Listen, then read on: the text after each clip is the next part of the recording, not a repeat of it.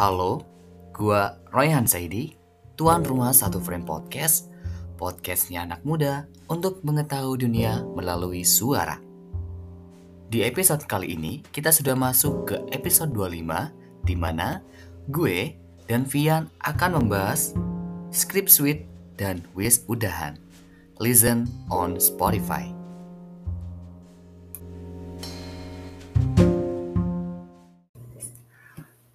Semester tua mungkin menjadi fase yang menegangkan bagi mahasiswa. Tak terlepas juga gua dan tamu gua pada malam kali ini ada Mas Lutfian mau presiden 2020 gimana kabar Mas?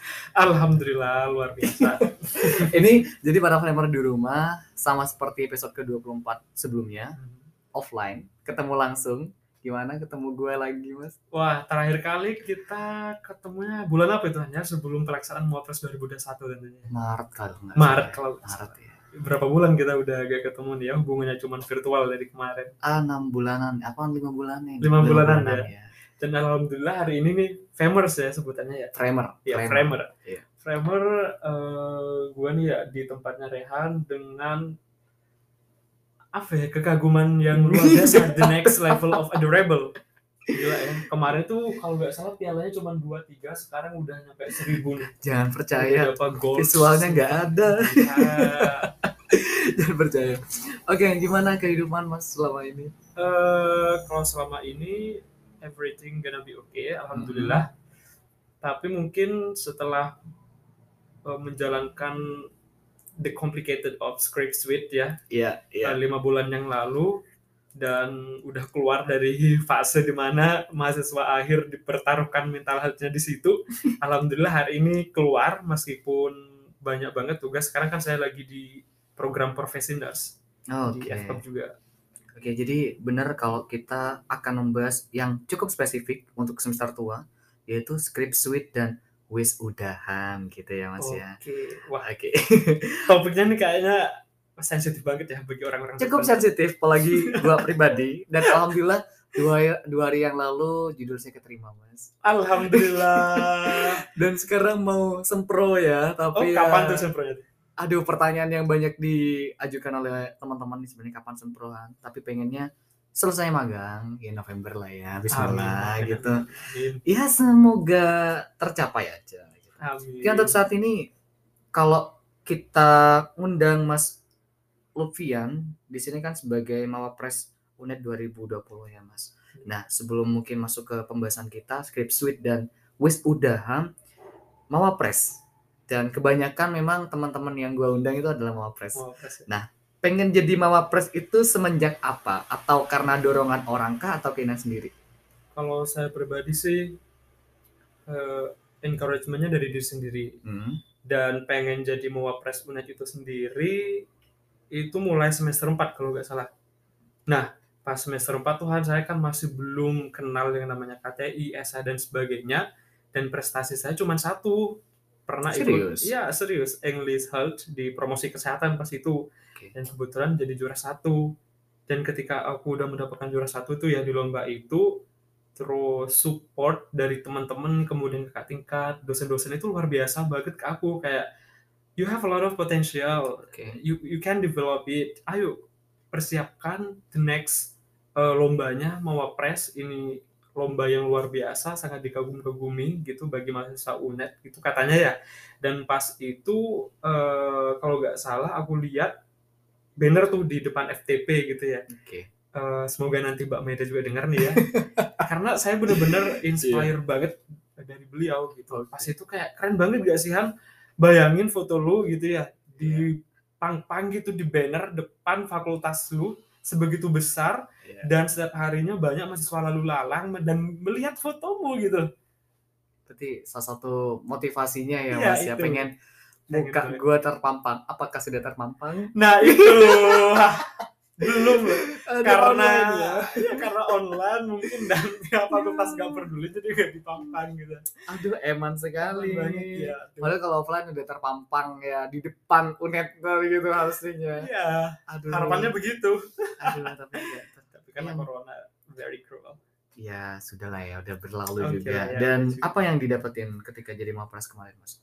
bukan tugasnya ya yang didapetin sebenarnya Hmm, ini lebih ke yang didapatkan dalam hal positif atau negatif positifnya aja lah Positif aja ya. biar banyak yang pengen jadi mawapres Kalau dari segi positifnya sendiri, yang pertama self branding kita meningkat banget. gitu. Mungkin eh, sebelum Mawapres ya, follower IG dulu ya. Dulu mungkin followerku gak sampai seribuan. Dan ketika udah terpilih jadi Mawapres kan banyak banget tuh mahasiswa UNED yang DM DM-an, kemudian minta motivasi, minta tips dan trik, dan itu langsung naik itu sampai ke 2000 gitu. Oke. Dan itu kayak gila banget, luar biasa. seneng gak sih di DM sama adik tingkat Eh, pertamanya seneng ya, karena dulu kan sepi tuh di IG, terus Oke. kemudian langsung bejibun, dan akhirnya nggak seneng sekarang. kenapa nggak seneng Karena orang-orang itu ya kadang lupa cara dan juga etika nge-DM jam berapa gitu, dan juga orang-orang tuh kadang nyepam gitu kan kalau nggak dibalas Oke. gitu. pernah nggak sih ketika sudah ngasih tips mungkin ya Mhm. ngasih sesuatu ke mereka mereka kalau dari etika mungkin waktu barusan Oke, etikanya nggak bilang terima kasih gitu pernah Nah. pernah dong. Tapi kalau eh, rata-rata sih yang minta tips dan trik how to be Mawapres gitu, rata-rata dengan diakhiri terima kasih dan sebagainya Oke. gitu. Tapi mungkin impact dari itu kan udah banyak nih teman-teman yang kenal dari berbagai fakultas maupun di fakultas saya pribadian. Hmm. Dan mungkin orang pikir menjadi mawapers itu kayak mahasiswa terpintar gitu sebenarnya. Padahal kan tidak, Hmm. iya sih? Iya. Cuman hoki keberuntungan aduh juga- hoki nggak mungkin Hoki. kalau hoki seorang aduh poinnya tahun 2020 kalau nggak salah 90 berapa 98 gila gila ini bukan hoki dan Gila, itu sumpah. pas itu juga saya gak percaya banget dengan nilai yang diberikan sama pihak kemahasiswaan mungkin itu nilai-nilai yang dibisikkan oleh malaikat atau Enggak. Gila gak sih mas Tahun ini aja paling tinggi tuh 78 nilainya Kan keren banget lah kalau dibilang hoki enggak ya Dan Ya. perjuangannya kan sudah selama tiga tahun itu kan ya mas ya Oke untuk selanjutnya sudah lulus berarti alhamdulillah kemarin tanggal 11 September udah nih udah pasang toga di Wis udah ya.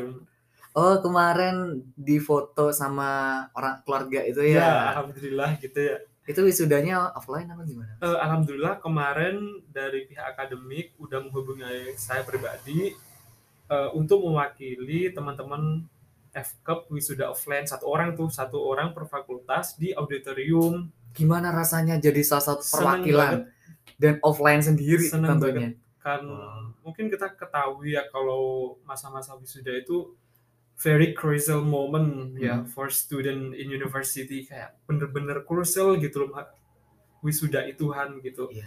dan bayangin karena covid menyerang ya sejak tahun itu dan semuanya wisuda pun online gitu. Oke. Kebayang nggak rasanya kalau kamu di wisuda online Kebayang terus sih cuman dapat ucapan selamat gitu dari teman-teman tanpa foto dengan ya tanpa foto dengan teman-teman dekat di UNED terutama di depan patung Triumvirat tidak gitu. Iya. Uh, itu benar-benar rasanya overthinking juga kemarin sih. Dan alhamdulillah karena kemarin juga eh, menjadi yudisium terbaik gitu di fakultas Widih. dan itu yang menjadikan eh, saya pribadi menjadi perwakilan gitu. Oke, gimana kata teman-teman? Eh, enak lu. Iya dong gitu. Pada iri. Teman-teman pada iri semua. Enak lu ada bapak lu datang Iya. gitu. Karena dong orang bisa foto sama orang tua gitu di depan. Iya, Offline lama lagi dan apa atmosfernya cukup sama seperti sebelumnya gitu. Eh, kalau bicara atmosfer perwisudaan lumayan berbeda banget kan ya Oke. karena kan setiap fakultas itu yang mewakili cuma satu mahasiswa atau mahasiswa Dan cuma ada terbaik. 17 berarti ya. Eh, berapa? 17 S1 terus pas itu S2 berapa D3 berapa gitu juga kan dibagi Oke. Nah pas itu kan sesepi itu di gedung star, eh, di gedung auditorium itu Oh yang gitu. baru ya berarti. yang baru heeh. Oke. dan bayangin nggak sih kalau dulu 2019 kita datang ke wisudanya kakak tingkat Hmm. eufori- euforinya Wow. segila itu gitu Iya, apalagi anak teknik Anak gitu teknik ya, anak gitu kan. saintek semuanya. dan sekarang karena kita sendiri gitu ya foto-foto sendiri cuman ada satu dua orang itu atmosfernya kayak sesepi itu gitu Iya, tapi kan cukup berbangga diri Iya, ya. berbangga sudah, diri dan sudah ber- lulus dan bersyukur banget gitu Oke. Berarti aman ya skripsi sama wisuda ya. alhamdulillah aman. Tapi gimana roller coaster dari skripsi kemarin? wah gila banget sih kalau bicara roller coaster prescription ini. Gimana gimana? Ya, ini warning ya bagi teman-teman 2018 mahasiswa UNED. Gua ya. dong. Iya, oh iya. Iya, semester 7. Tujuh Tujuh dong, ya. Iya. Bagi teman-teman semester 7 yang mendengarkan podcast ini, semoga nanti bisa mendapatkan info gitu ya eh, dari roller coaster dan juga kesehatan mental di dunia perskripsian. Karena kan ya, eh, gue kan ini dari Fakultas Keperawatan sendiri. Hmm. Bayangin kita kan notabene kalau anak keperawatan itu penelitiannya di rumah sakit, puskesmas gitu ya. Iya. Karena kan kesehatan dari pasien dan sebagainya. Dan pas itu karena baru pertama kali pandemi corona gitu ya 2020 dan saat itu aku juga memberanikan diri ngambil penelitian primer Oke. secara langsung gitu ya di masyarakat dan itu benar-benar uh, butuh strugglingnya luar biasa untuk menyelesaikan itu semua gitu Hmm. dan dosen-dosen pun juga menyesuaikan kan eh, mungkin mereka butuh adaptasi bagaimana cara eh, bimbingan kepada mahasiswa secara Secara online online ya. bener Gimana perasaannya bimbingan online tuh mas?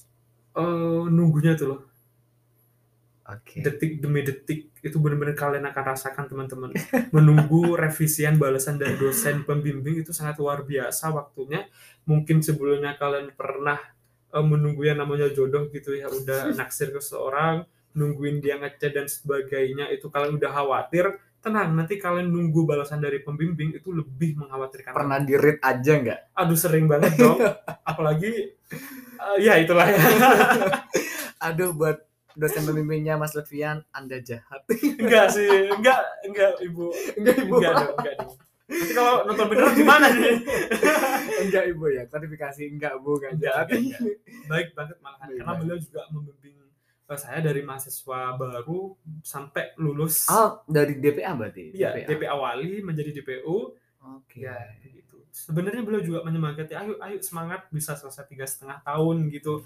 Tapi apalah daya karena mungkin semuanya butuh adaptasi dari pihak akademik yang ngurus perskripsian di fakultas juga sangat luar biasa lama Mhm. pas itu.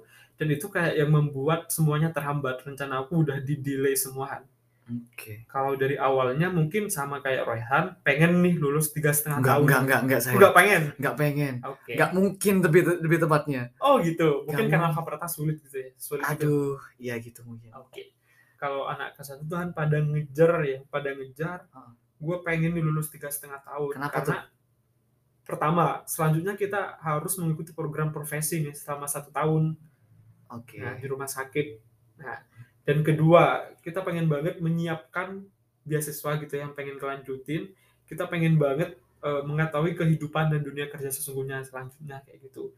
Gak pengen dong eh, tujuh semester udah selesai semua mata kuliahnya, kemudian di semester 8 matkulnya cuma skripsi doang. Hmm. Itu benar-benar menjalani hari-hari di semester 8 itu penuh dengan kehampaan dan penuh dengan ketidakproduktifan. Emang hampa semester 8 Hampa banget dong. Apa yang membuat hampa? Yaitu menunggu balasan dari perskripsian dosen, kemudian hampa merenungi eh, kegagalan yang tidak bisa lulus tiga setengah tahun itu mencukup cukup membuat saya eh, pengen banget saat itu kayak ah gue harus ke psikiater nih karena otak gue udah gak sinkron gitu Se se complicated itu. waktu itu. secomplicated itu Han beneran Kenapa kok pengen banget eh, tiga setengah tahun? Maksudnya gini loh mas, kalau kita berbicara ekspektasi, Mhm. oke. Tapi terlalu ekspektasi juga kan nggak baik kan gitu Bener. kan, sampai ke psikiater. Apa yang sebenarnya terjadi waktu itu sampai pengen ke psikiater? gitu? Eh, menjadi lulusan terbaik dengan predikat komplot Ekspektasinya. ekspektasinya ya pas maba kemudian udah direng-reng di tiga setengah tahun semester 7 harus sudah selesai semua harus sudah dapat gelar eskep gitu ya dan itu berkat motivasi yang udah aku tumbuhkan dari awal sejak Hmm. semester 1 itu kan ya udah menggebu-gebu seambisnya mungkin teman-teman tahu seambisiusnya aku kayak gimana di FCUP gitu ya Aduh. karena pengen banget lulus tiga setengah tahun dan tiba-tiba udah tuh baik banget ya dari segi IPK mungkin mendukung banget buat tiga setengah tahun tapi Oke. karena kondisi telat pembagian pembimbing dan sebagainya Han itu membuat saya benar-benar terkuras emosinya saat itu kayak benar-benar nggak bisa pernah nggak sih ngebayang kita udah pengen eh, ke langit ya. Hmm. udah nyampe nih ke langit. Eh Hmm. tiba-tiba nggak jumpa nih sama teman-teman kita yang udah di surga gitu. Tiba-tiba langsung dijatuhkan lagi ke bumi gitu. Sakit. Sakit banget rasanya. Bingung. Bingung. Kayak duh harus merubah uh, goals goals atau tujuan yang udah di rank nih. Nah balik lagi. Tadi kan sebenarnya ekspektasi awalnya tiga setengah. Hmm. berarti kan ada hal lain strategi lain yang dilakukan. Apa sebenarnya yang dilakukan waktu itu Eh, semester 8 iya. itu jujur jujur lah ya to be honest. Jujur li jujur li. Ketika udah menja- mendapatkan predikat mewapres UNED utama gitu ya tahun Iya. 2020 banyak banget tawaran menjadi speaker kemudian duit masuk dong. Alhamdulillah kalau itu ya. Oke. Iya, banyak banget menjadi tawaran menjadi pemateri, kemudian pembicara di beberapa event. Dan pas semester 7 karena aku eh, pengennya fokus di preskripsian, banyak tuh yang aku tolak. Bukannya aku sombong, tapi emang bener-bener kayak maaf eh, belum waktunya untuk aku memberikan ilmu itu kepada kalian karena aku juga masih eh, struggling dengan ilmu itu dan sebagainya kayak gitu. oke Nah, itu mungkin egois itu aku di semester 7 dulu. Tiba-tiba karena semester 8 udah cuman skripsian doang, dan diambil semua. sehampa itu ya udah setiap ada job yang masuk ke WA saya udah ayo gas. Ayo guys dan duit masuk juga kan lumayan ya. Alhamdulillah Ayo. ingat nggak pas pas bulan apa itu Han ya? Bulan Maret sampai April iya. itu kayak setiap hari aku Iya. nge-share poster. Iya sumpah sibuk banget. Aduh sumpah banyak banget emang ya. Iya. dan ketika kita udah ternyata gitu ya ketika aku dulu takut banget menjadi pembicara eh, pemateri dan sebagainya di beberapa event Hmm. karena kayak keinsecurean keinsecurean yang ada dalam diriku sendirian kayak ada loh teman saya yang lebih hebat di dalam eh, bidang public speaking. Oke. Ada loh eh, teman saya yang lebih eh, jago banget di perkataian dan penulisan. Ini undang ini aja dan sebagainya kayak gitu. Dan ke apa ya kayak ketidakpercayaan diri itu bener-bener muncul saat itu kan dan pas itu saya coba untuk melangkah nih ya ngambil job pertama jadi pemateri di eh di Fasilkom pas itu. Tips dan trik menjadi mewapres alhamdulillah tuh ya. Dan ketika aku coba gitu ya eh, menjadi sosok Vian ketika menjadi pemateri itu dan alhamdulillah kan kayak respon respon positif yang diberikan oleh audiens. Pernah nggak lu menjadi pemateri terus audiensnya bilang wah materinya sangat luar biasa kak. Kirim dong PPT-nya kak alhamdulillah udah termotivasi banget dengan kakak gitu. Pernah nggak dapet kayak gitu? Pernah pernah. Senang banget. Rasanya gimana? Luar biasa. Over the moon kan? Iya. Iya dong. Kayak undescribable kayak kalau cuman juara satu dua KTI gitu ya. Iya. Mungkin senengnya cuman satu jam dua jam udah hilang gitu. Iya iya. Tapi ketika kita menyampaikan ilmu dan orang yang mendengarkan apa yang kita sampaikan mengucapkan terima kasih dengan pujian-pujian luar biasa yang disampaikannya itu benar-benar membekas gitu kan sampai sekarang Oke, dan ini tidak menutup kemungkinan podcast kita malam ini juga hal hal yang sama ya. Dan semoga menginspirasi teman-teman ya di rumah ya. Amin. Yuk, ngabis, ya ngambis gitu ngabis ya. bareng ya, mumpung masih ada kesempatan kan ya. Sekarang masih semester 7, besok masih ada semester 8 lagi. Yuk, sempatkan satu tahun maksimalkan itu semua. Kalau lagi skripsian, jangan fokus di skripsian doang. Coba eh, kembangkan hobi apa yang masih belum kalian tambahkan dalam diri kalian, teman-teman. Oke, wow. Jadi keren banget nih Mas Lutfian ya ternyata ya. Dan ketika bahas skripsi ternyata sudah Gak skripsi. sekeren dengan Rehan ini. Gak ada, gak ada, gak ada. Aku sendiri tadi pas pertama masuk di kampanye Rehan ini insecure duluan melihat sertifikat yang udah diterbajang Aduh, di jangan jangan percaya guys, jangan wall-nya. percaya, jangan percaya. Mas Lutfian ini udah lebih keren dari gua. Oke, daripada kita puji-pujian ya, kita lanjut ke pertanyaan selanjutnya. Oke, barusan uh, pernah uh, disinggung bahwa skripsinya cukup struggle juga ya, cukup roller coaster. Ketika bahas wisuda barusan juga, alhamdulillah tapi Alhamdulillah. eh, apa namanya eh, bentuknya offline ya dibandingkan teman-teman yang lain. Nah, apakah pengen lanjut di S2 sebenarnya setelah barusan selesai? Alhamdulillah. Sudah sampai keterima? sekarang belum. sekarang kan masih pendidikan profesional satu tahun di FKUP juga. eh, dua tahun yang lalu impian melanjutkan ke studi S2 terutama di luar negeri itu alhamdulillah semakin bertumbuhan semakin hari ambisinya semakin besar juga semoga nanti bisa tercapai ya minta doanya buat sobat-sobat framers dan juga Ryan sendiri Amin amin. semoga nantinya bisa keterima eh, beasiswa Di mana? rahasia mungkin ya Luar negeri. Eh, pengennya sih di luar karena kan ilmu yang bisa kita dapatkan lebih banyak ya Iya. fasilitasnya juga lebih advance dibandingkan Indonesia Oke, what is next? Nikah? aduh berat banget ya Itu komenan saya di Instagramnya Mas Pian. bener bener Apa nih selanjutnya Pak? Nikah kata gue. Belum ada calon cuy Sih gak ada yakin. Yang kemarin gimana? skip dulu ya Yang kemarin berarti enggak.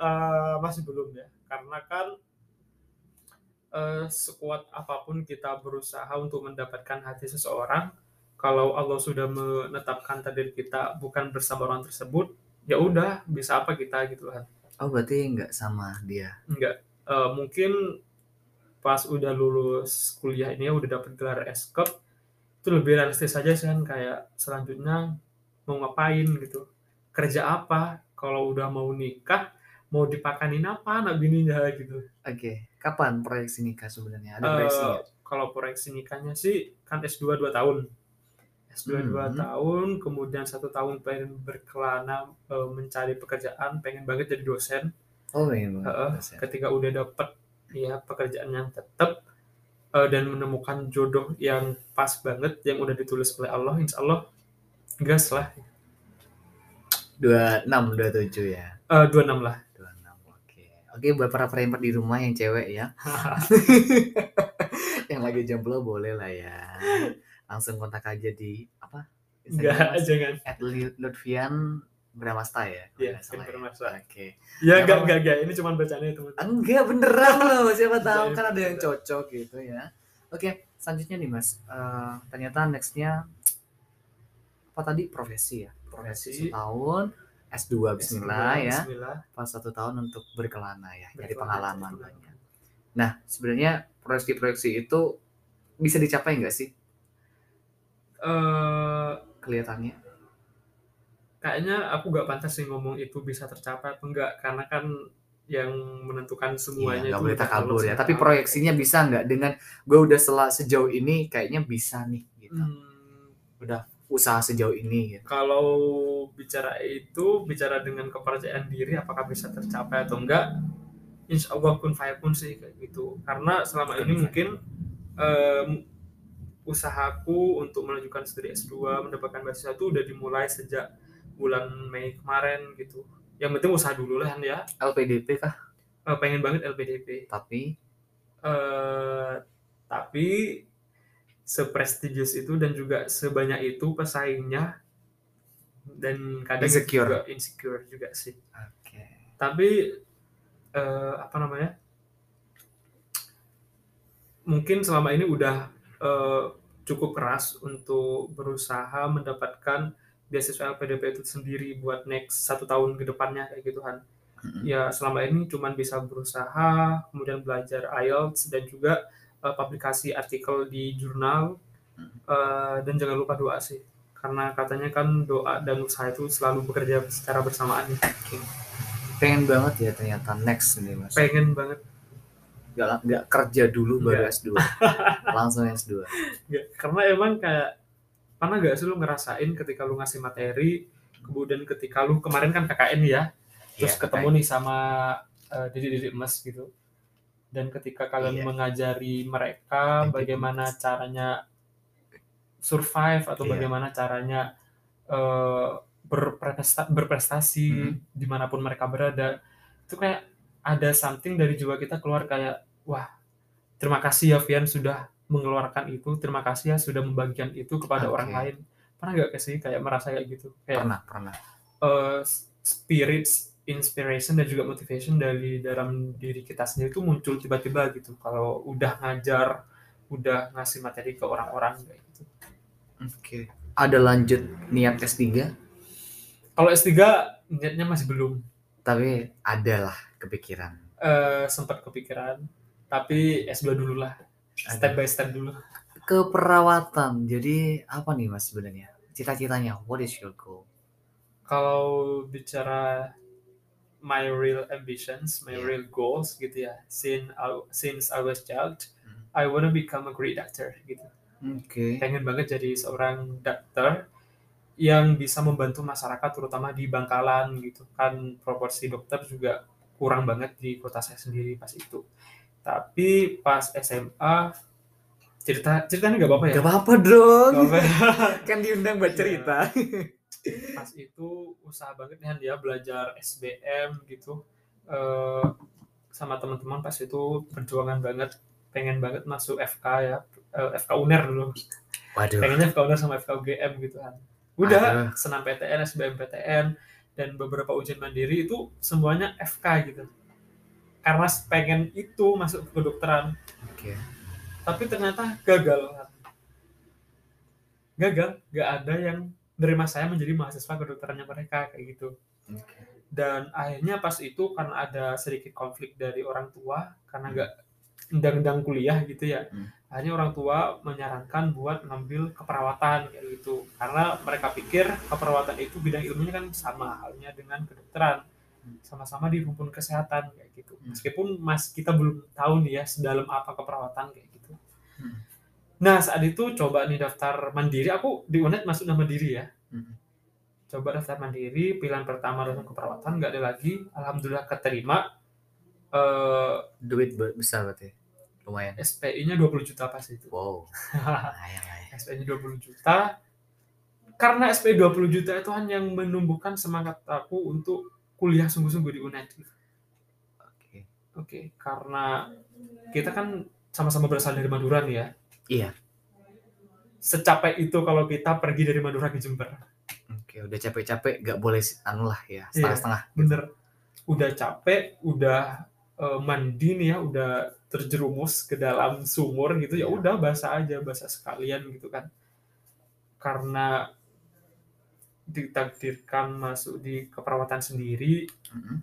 eh, di situ tuh eh, motivasi saya terus ditumbuhkan lagi Han dan banyak banget motivasi pas itu yang masuk ke dalam diriku sendiri bahkan ada nih eh, namanya Mas Raihan bilang ke aku juga Gua Mas dong. Raihan bukan karena Winsa pas itu ya bilang gini Vian eh, semuanya sudah ditetapkan oleh yang maha kuasa kamu mungkin takdirnya emang menjadi perawat menjadi perawat profesional yang nantinya namamu akan terkenal di Indonesia Amin. gitu katanya beliau ya gitu coba kamu bayangin sekarang kalau kamu masuk di dunia kedokteran kamu menjadi mahasiswa kedokteran apakah bisa nih menjadi mahasiswa berprestasi Nah. UNED apakah bisa nih kamu ikut lomba ke ini ke itu ke sana Ya. ke situ ke sana semari apakah kamu bisa pergi ke Thailand ke Malaysia dengan gratis biaya rektorat kalau menjadi mahasiswa kedokteran bisa nggak Iya. seperti itu walau alam gitu ya Iya. Nah itu Vian jawaban Allah. Kenapa kamu gak ditaruh di kedokteran?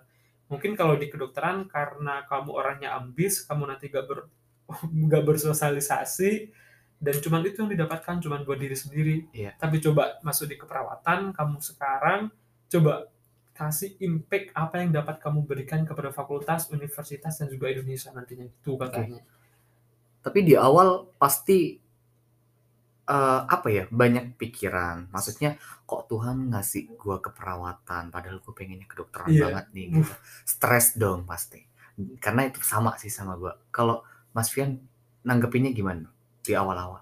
Kalau aku pribadi stres, dibilang stres ya. Kalau sema- pernah gak denger PTSD? Apa tuh? Oh iya. kayak iya, post iya, traumatic stress disorder Iya, iya, iya. gitu. Nah, dibilang PTSD sih bukan ya. Tapi entah kenapa dari semester 1 sampai semester 6 pas kemarin staf tidur itu overthinking terusan. Kok bisa ya aku gak masuk kedokteran? Kenapa sih? Kok bisa ya aku dulu mandiri kok Di awal- awal keperawatan? Di awal. Di awal tahun sampai semester 6. Wow. Tiga tahun. tiga tahun dan itu benar-benar pikiran berkecamuk dan juga uh, high expectation dari diri sendiri itu juga kadang Mm. campur aduk lah undescribable gitu kemudian uh, dari tuntutan masyarakat dan sebagainya kan kadang memandang perawat cowok itu uh, gak ada oke-oke-nya gitu lah Oke. dan itu kadang yang membuat diri saya down sendiri kayak gitu Oke, banyak hal yang memang menjadi apa ya kalau dibilang tuh yang sudah dilalui ya mas selama Hmm. ini dan mungkin teman-teman framer di rumah juga banyak juga mengalami hal itu dan gue bakal nanyain hal lain nih mungkin kita lanjut ya. Oke.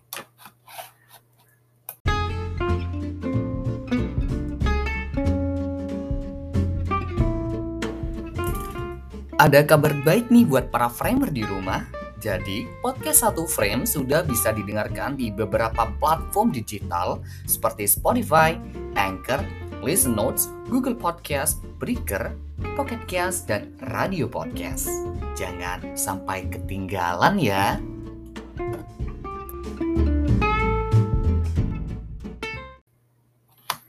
Oke, kita lanjutkan teman-teman karena kalau boleh jujur nih ya, kita kan kalau offline itu cuma 30 menit.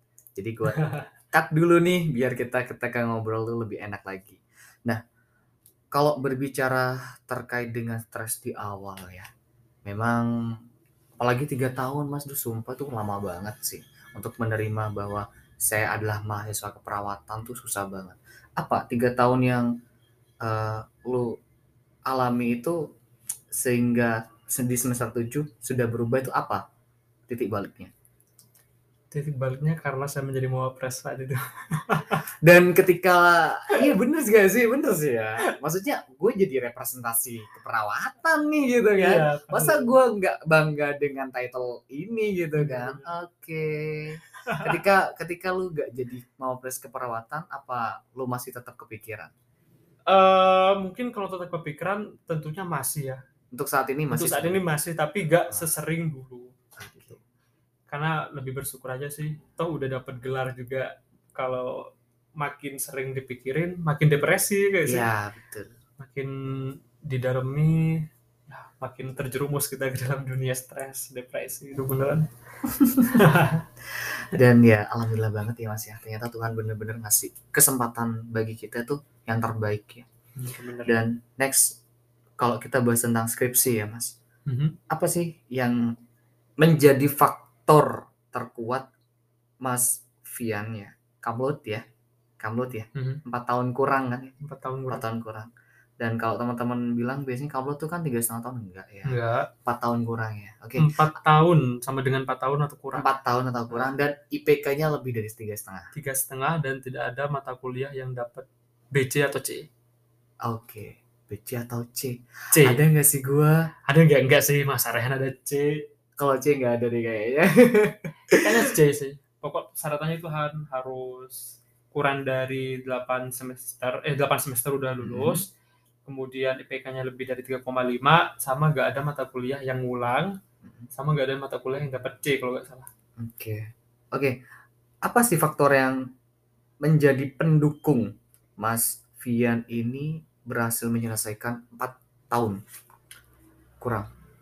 Eh, menurutku faktor pertama yang mensukseskan mahasiswa dalam menjalankan skripsinya itu faktor dosen pembimbing. Oke. Karena kenapa? Kalau kita udah ngambis, frekuensinya kita udah ditingkatin lah ya, Hmm. pengen secepat itu, tapi dosen pembimbing kita frekuensinya di dua, kita udah di lima kan nggak nggak nggak sefrekuensi tuh. Hmm. Itu susah banget kan untuk lulus.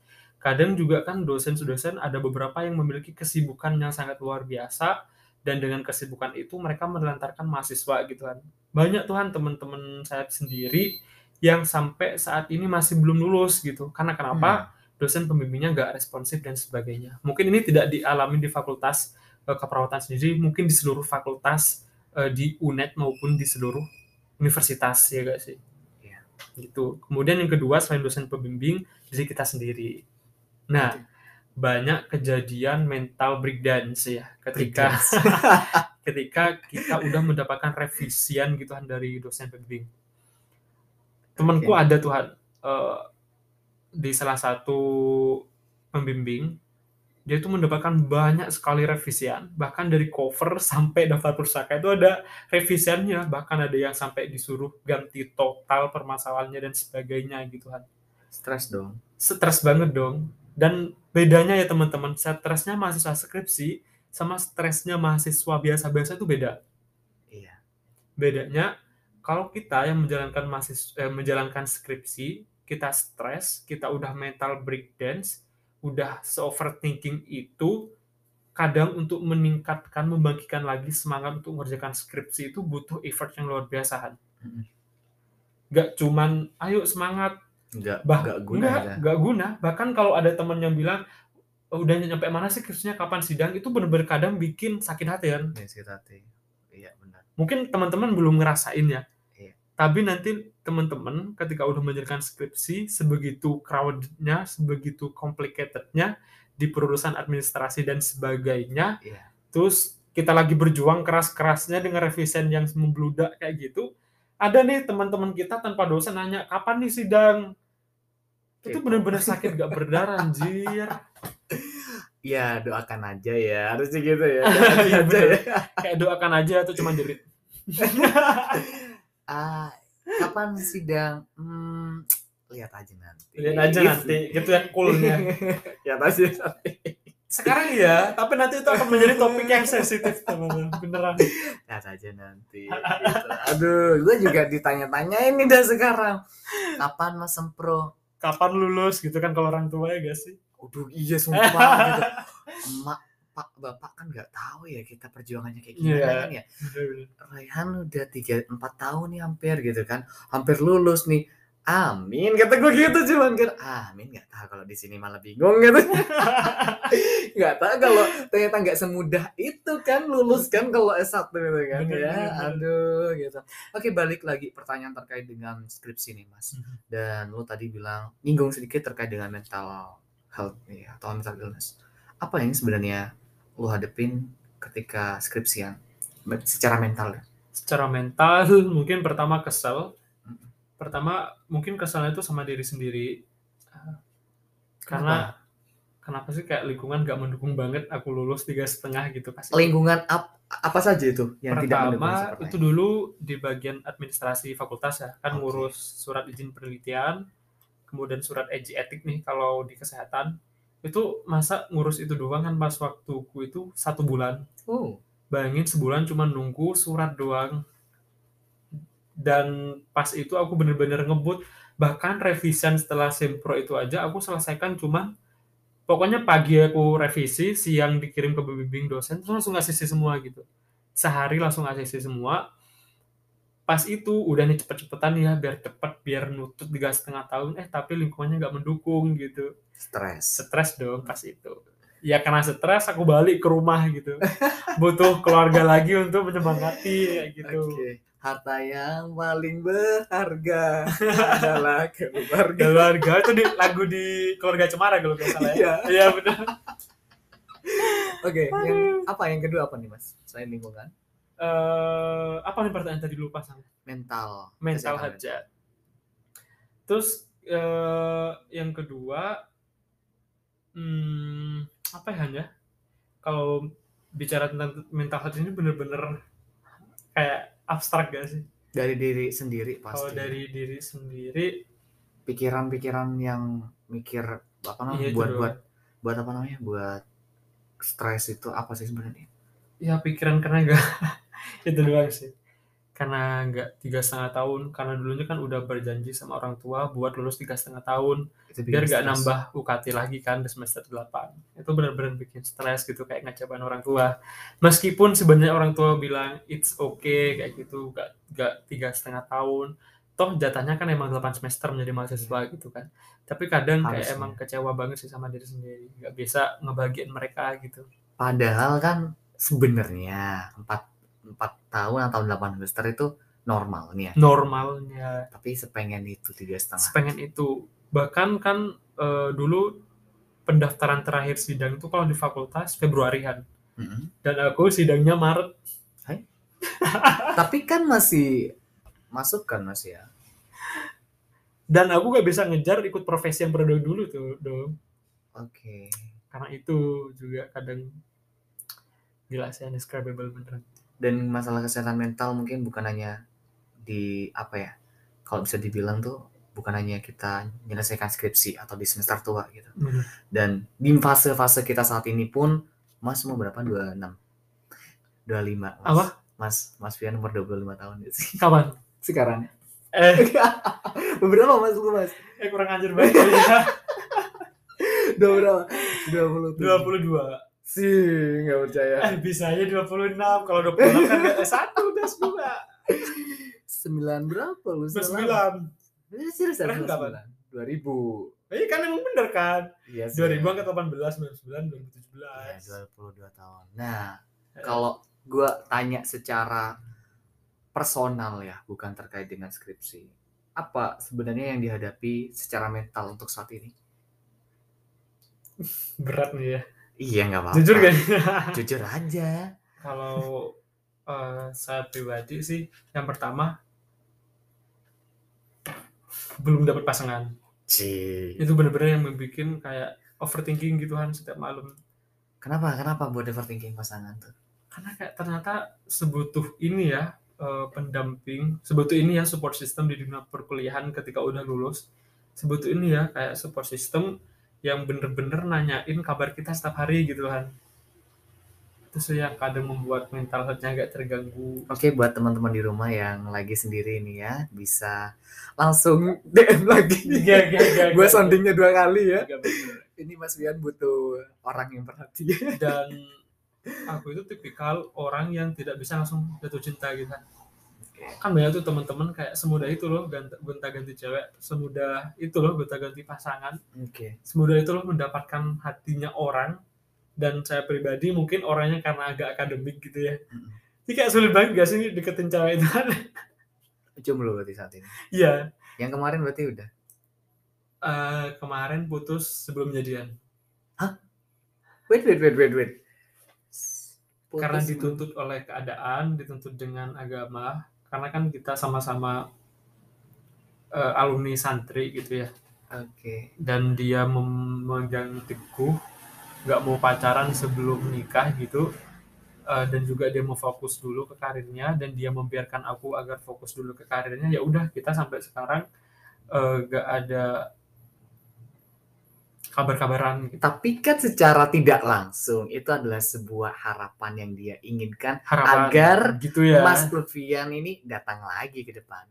eh wallahu alam kalau emang bener-bener jodoh udah Allah tuliskan di Lauhul Mahfud ya udah aku Tapi kan terima. untuk TikTok kan kan hal yang wajar sebenarnya kan. Sih ya. soalnya udah Kok sesedih ini sekarang ya Allah. Ya, udah, udah, udah, udah. kasihan saya kalau nanya kayak gini. iya sih Oke, gue nanya agak lebih spesifik lagi nih Apa tentang ya tentang umur kita ya. Kita umur 20-an lah. What is your perspective about life? perspective about life impactful doang Hmm. karena kayaknya kita itu hidup diciptakan oleh Tuhan Hmm. karena agar memberikan impact kepada orang lain kayak gitu doang semakin kalau saya pribadi semakin banyak apa yang saya berikan kepada teman-teman semuanya semakin banyak eh, yang bisa disaring-saringkan ke teman saya sendiri itu meaning of life saya itu tiba-tiba kayak oh ini loh meaning of life kamu. Kamu harus benar-benar eh, berbicara di depan orang. Kamu harus benar-benar membagi apa yang udah kamu pelajari kepada orang yang masih belum mempelajari. Kayak gitu. Kan Itu lebih puas nggak sih mas? Itu- Maksudnya ketika dibandingkan kita mendapatkan juara atau pencapaian dan ketika kita memberi kepada orang lain lebih puas memberi ya nggak sih? Iya. Apalagi orang lain tuh kena di eh, apa yang kita beri.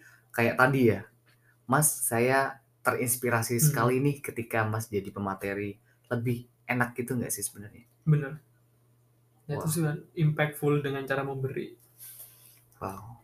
Kalau cuman sekedar mendapatkan juara satu dua mungkin tadi kita udah bahas ya Iya. senangnya mungkin teman-teman belum tahu ya mungkin Ada yang belum pernah Kehidupan. gitu ya. kehidupan seorang Royhan kehidupan seorang Vian yang mungkin CV-nya juara satunya udah berpuluh-puluh gitu ya kesenangan gitu ya kesenangan dan juga kebahagiaan ketika kita mendapatkan pencapaian itu juara Mhm. satu lomba ini lomba itu perlu teman-teman ketahui itu bagian cuma sesaat doang Iya. mungkin bertahan setengah jam satu jam ya udah Setelah itu nggak ada. ya udah setelah itu ada ke sesuatu yang lebih menyetreskan lagi Iya. Iya, Iya, betul. kan? Dan ketika kita diundang menjadi pemateri, diundang menjadi eh, apa ya diskutor lah ya, orang Iya. yang diajak diskusi bersama orang-orang lain, kita memberi ilmu kita kepada orang banyak, kita sharing-sharing nih tips dan trik menjadi bla bla bla kepada orang lain. Di situlah makna kehidupan itu benar-benar ada dalam diri saya sendiri. Mungkin secara definition saya how to define the the meaning of life Yeah. it is according to ourselves actually every person has their own definitions to define the meaning of life gitu dan saya sendiri saya pribadi meaning of life-nya itu tidak bisa dideskripsikan secara kata-kata tapi Yeah. aku bisa merasakan hal tersebut ketika udah eh, berbagi ke sesama. Oke, berarti your perspective about life is impactful. impactful. Oke, dan mungkin banyak orang yang berpikiran sama ketika gue berguna bagi orang lain Hmm. itu adalah hal yang sangat-sangat puas ya. Bener. Dan bener-bener tuh apa ya nggak bisa dideskripsikan ya. Karena kepuasan tuh kan gimana ya kalau dibilang tuh nggak ada parameternya. Seneng aja gitu ya. Sen- seneng bahagia aja gitu Hmm. ya oke next ini mas. Kita hidup. Udah 22 tahun mas Fian ya kan? Oke. Apa tujuan hidup sebenarnya? Ini Wah. sering saya tanyakan ke teman-teman. apa bingung juga hidup? ya kalau ditanya tentang tujuan hidup. Karena kan setiap orang memiliki tujuan hidup yang mungkin tidak dapat dideskripsikan. Iya. Iya kan? Sama halnya dengan aku. Apa sih tujuan hidupmu ya gak ada. Nggak ada tujuan hidup masih. gak Belum ada. dapat. kalau sekarang masih belum hidup. Tujuan hidup apa sih? Menjadi eh, mungkin aku aku ngomong ini kalau orang-orang ngomong tujuan hidupku sih pengen nih jadi dosen terus eh, nikah punya anak sekian terus membahagiakan kedua orang tua dan sebagainya. Itu bukan tujuan hidup gak Iya. sih? Cuma pencapaian gitu gak sih? Pencapaian dan sampai sekarang kayak tujuan hidup yang sebenarnya aku belum mendapatkan Belum Tuhan nggak ngasih gambaran. belum mendapatkan Belum gambaran. pernah nanya ke Tuhan gitu mas. Apa sih tujuan gue hidup Tuhan gitu? Pernah nggak sih? pernah Apa Tuhan udah ngasih jawabannya? mungkin men- sudah eh, Tuhan sudah men- mengasih jawabannya kepada saya sendiri tapi secara eksplisit gitu Oke. dan itu cuma bisa dirasakan nggak dan nggak bisa dideskripsikan ke orang gitu kan Oke. itu sih kalau kamu gimana lu Aduh. pernah cerita kan? lu pernah cerita lu pernah minta ke Tuhan tentang what is the purpose of your life dan the God give your answers. What that Iya, answer? Iya, iya, betul. What is Ah, that? kalau tanya itu mungkin, aduh, kok gue malah yang ditanya? Deh. sharing-sharing kali ceritanya kan? Iya iya bener-bener. Uh, kemarin-kemarinnya tuh dari awal tahun gue sering nanya sama Tuhan sih what is what is life gitu? What is my purpose of this life? Dan mungkin gue pribadi baru dapetin tuh tiga bulan lalu sih. Tiga bulan lalu. Tiga Dan- bulan lalu? dan sering tanya sama Tuhan sih. Apalagi kayak ya kalau dibilang sering overthinking wajar lah ya. Umur segini. Quarter life ya. crisis ya. Mahasiswa yang mendekati quarter QLC ya Iya. quarter life crisis overthinking ya wajar-wajar aja. Wajar-wajar aja. Dan ya itu ketika overthinking saya bilang apa sih tujuan gue hidup Tuhan? Gitu. Dan Tuhan tuh ngasih jawaban. Saya nggak bisa ngasih tahu jawabannya. Apa itu? sini. Kenapa Aduh gak seperti mau, itu? gak mau. kenapa Gak mau sih. what is that Um, apa ya? Kok masalah gue ini yang framernya udah nunggu loh apa sih tujuannya Kak Rehan saat gue dapetin dua poin sih. Tapi gue mau nyepel satu aja sih. Oke. nggak tahu ya ini terlalu klise atau gimana salah satu tujuan gue hidup Tuhan ngasih di salah satu mimpi gue dan doa gue tuh kayak tadi Mas bilang apa sih yang lu bilang tadi Mas? Apa sih? Ya impactful. Impactful. Inspiring is- apa ya jadi inspirasi bagi orang. Nggak tahu ya Tuhan tuh kayak ngasih lo jadi inspirasi nih bagi orang lain gitu. jadi gue kayak masa sih gue inspirasi apa jadi inspirasi? Gitu. Jadinya kayak masa ini ini sebagai tujuan gue hidup? Jadinya gue tetap gali itu ternyata nyambung gitu loh. Udah bener gak sih tujuan hidupnya dengan membuat platform podcast yang nah gitu. Makanya Tuhan tuh ngasih kesempatan bagi gue untuk oke berarti bener nih. Nah yang kedua gue nggak bisa sebutin ada nggak ada. But, but the first one is is it the most important one? Iya. Iya okay iya iya. and how about the seconds? I'm still curious about that. Aduh nggak janganlah Mas. biar kepo lah Ya, para prefer lah ya. ya. Rahasia lah ya. Mungkin juga bisa DM nanti. Boleh. Boleh ada sih cuma satu kata aja tapi ya se- sesusah itu sih dapetin sebenarnya apa ya maksudnya jawaban itu. Gitu. siap. tapi Mas Fian kalau balik lagi ke Mas Fian belum dapat ya? Belum ya? Belum belum dapat. Mungkin kalau Rehan tadi impactful dan aku mengartikan impactful uh, with sadness ya impactful dengan berbagi itu cuman arti kehidupanku aku menemukan itu. Apa meaning and purpose of life itu berbanding lurus ya nggak tahu sih. nggak tahu ya. karena gini loh sebenarnya ya aku secara definisi secara implisit belum menemukan what is the what is the Tapi main dalam pikiran tuh life. ada gitu ya. tapi dalam hati jiwa Hati. dan pikiran itu kayak ada yang ngarahin gitu lah ngarahin. ada tujuannya kayak udah Tapi jelas tapi belum belum tahu cara ngomongnya. belum tahu cara ngomongnya belum tahu cara mengekspresikannya Emang susah itu sih mas. sesusah itu gak sih Dan gue sering nanya ke teman-teman dan teman-teman sampai apaan sih lo Han gitu sampai Iya gitu. apaan sih lo tanya-tanya gini gitu. Dan jawabnya mereka tuh abstrak, abstrak abstrak banget dan bilang gue hidup untuk ibadah. Eh ibadah tuh bukan tujuan hidup. it is an obligation right Iya gitu. ya kan. kewajiban kewajiban coy kata gue gitu kan dan masih banyak yang belum tahu gue ada sih salah satu yang gue dapetin gitu ya Hmm. satu orang yang sangat gue sampai wow gitu kan. Apa sih tujuan lo hidup gitu? Gue pengen hidup kak adik tingkat gue Se- dia karena roller coasternya udah luar biasa Luar gitu biasa kan ya. gue pengen hidup gue pengen menjadi ayah yang baik karena dia broken home. Dia nggak pernah ngerasain kayak men- apa ya mendapatkan ayah yang seromantis ini gitu loh. Gue pengen jadi ayah yang baik buat anak gue gitu aja sih. Wow gitu loh. Sampai dia dia masih gila gak sih mau anak 2001 gitu loh sampai udah kayak gitu karena karena apa ya pengalaman dia yang buat dia sampai punya uh, tujuan hidup seperti itu dan ternyata kebukti banget dia pemikirannya jadi dewasa banget nah gitu sih oke sih. Yang sakit itu ya kalau punya Iya. keluarga broken home.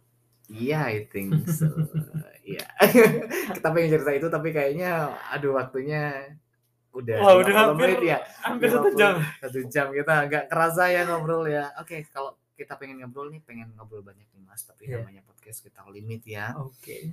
Oke, mungkin terakhir nih eh, yang ingin diberikan pesan untuk anak muda terkait dengan skripsi dan wisudahan dari Mas Fian. Monggo. Oke. Eh, kita di dunia perskripsian itu teman-teman banyak sekali faktor yang mendukung keberhasilan kita dalam menjalankan skripsi kayak gitu. Tidak banyak teman-teman eh, bukan di keperawatan saja di luar sana yang lagi menjalankan skripsian mereka malah melakukan behavior yang maladaptif. Artinya karena mereka stres, mereka pusing dengan skripsian, mereka maladaptif tuh ya. Mabuk, kemudian melakukan seks bebas dan sebagainya itu banyak banget loh karena impactful dari skripsian sendirian. Nah, yang penting itu kita harus tetap kalau bisa eh, kalau bisa berusaha selagi kita bisa berusaha teman-teman. Ya, kalau ada kesempatan lulus tiga setengah tahun, ayo ambil, maksimalkan itu. Ya, kalau nggak bisa ya udah nggak apa-apa, it flow aja. Kalau masih ada kesempatan 8 semester, ayo bisa gitu. Toh itu emang jatah kalian kan 8 semester kayak gitu. Kalau emang nggak bisa ya udah nggak apa-apa. Mungkin Allah sudah menakdirkan lulus 9 dan sebagainya kayak gitu. Karena memang berbicara di dunia perskripsian banyak banget ya tadi faktor. Yang pertama itu adalah dosen pembimbingnya. Ya, kita dap- kita tidak dapat mengontrol dosen pembimbing kita. Ya, yang kita bisa lakukan adalah banyak berdoa di sujud kita agar Tuhan melemah lembutkan hati pembimbing kita. Ya, ya Allah semoga revisionku besok dibalas. Ya Allah semoga Tuhan eh, sem- semoga dosenku ini baik kepada saya dalam perskripsian kayak gitu. Dan yang kedua, jangan lupa selalu komunikasi kepada dosennya. Jangan malu-malu teman-teman. Bu, saya pengen lulus semester ini bisa nggak ya? Karena UKT UKT-nya mahal dan sebagainya, tuntut orang tua dan sebagainya ya. Dan yang ketiga dari diri kita sendiri. Ya. Kalau bukan diri kita sendiri, siapa lagi sih yang bisa menolong diri kita kan? Oke. Kalau kita stres ngerjakan skripsi, mau ngapain? Mau dibiarin skripsinya? Ya udah mau busuk tuh skripsi gak dikerja-kerjakan, nggak lulus-lulus kalian kayak gitu. Ya, banyak sekali motivasi, sumber motivasi yang bisa kita dapatkan ketika udah lelah kerjakan skripsi. Ya, yang pertama, balik lagi ke Tuhan kita. Yang kedua, coba dengarkan nasihat dari orang tua kita, keluarga. Dan yang ketiga, cari video motivasi di YouTube. Insya Allah, it will work. Oke. Oke, yang ketiga, faktor X ya, faktornya. Talking about factor X, various factor ya. Dari segi Tuhan, kemudian dari segi data penelitian kita, ruwetnya kayak apa, yang kita tidak bisa mengontrol administrasi dari government gitu ya. Dari dinas ini, dinas ini ternyata ribet dan sebagainya, butuh waktu lama, surat e, uji ABC-nya lama, validasinya lama dan sebagainya. Itu faktor-faktor yang tidak bisa kita kendalikan sebenarnya. Tapi dari itu, teman-teman perskripsian emang bener-bener diuji namanya fisik eh namanya psikis dan juga spiritualnya teman-teman kayak gitu kalau kita lagi ngerjakan skripsi fisik oke okay lah ya every day we have to conduct any exercise in the early morning gitu ya biar lebih produktif tapi yang paling dipertaruhkan ketika skripsian itu adalah spiritual dan juga psikologi nah banyak sekali kan teman-teman yang udah behaviornya maladaptif karena skripsi tadi ya kemudian yang kedua eh, dari spiritualitas sendiri banyak banget teman-teman yang kecewa ke Tuhannya karena tidak bisa mengabulkan apa yang dia inginkan. Itu banyak banget loh di dunia persekutuan teman-teman. Maka dengan itu dari sekarang ayo kita target ya, target uh, sebisa mungkin kapan kita selesai, kapan kita sempro, semas dan sidang. Kalau bisa dari sekarang kita targetkan ya. Kalau ada kesempatan ayo maksimalkan, ada revisian, sekarang revisi, kalau sekarang capek besok langsung kerjakan. Jangan ditunda-tunda teman-teman. Karena kalau kita udah nunda skripsi gak ngerevisi skripsi selama seminggu itu lama-lama keenakan jadi males gitu. Akhirnya cuma pikiran terus aduh skripsi saya belum direvisi nih tapi gak direvisi free sih cuman di overthinkingin. Dan akhirnya jadi depresi lah gak dikerjakan-kerjakan gak selesai-selesai dong. Tuh. Itu sih kalau dari saya pribadi di dunia perskripsian. Oke okay. thank you so much Mas Levian mahasiswa berprestasi Universitas Jember 2020 dan thank you so much loh mas sudah datang di podcast gue di episode 25 sama-sama terima kasih terkait dengan terima kasih banget sudah. Oke okay, thank you so much. Kita bahas terkait dengan script suite dan wis udahan dan apabila ada kesalahan kata-kata dari gua dan Mas Fian uh, kok jadi Mas Fian ya? Fian di podcast ini kami mohon maaf sebesar-besarnya dan see you next episode. Dadah. Dadah. Thank you mas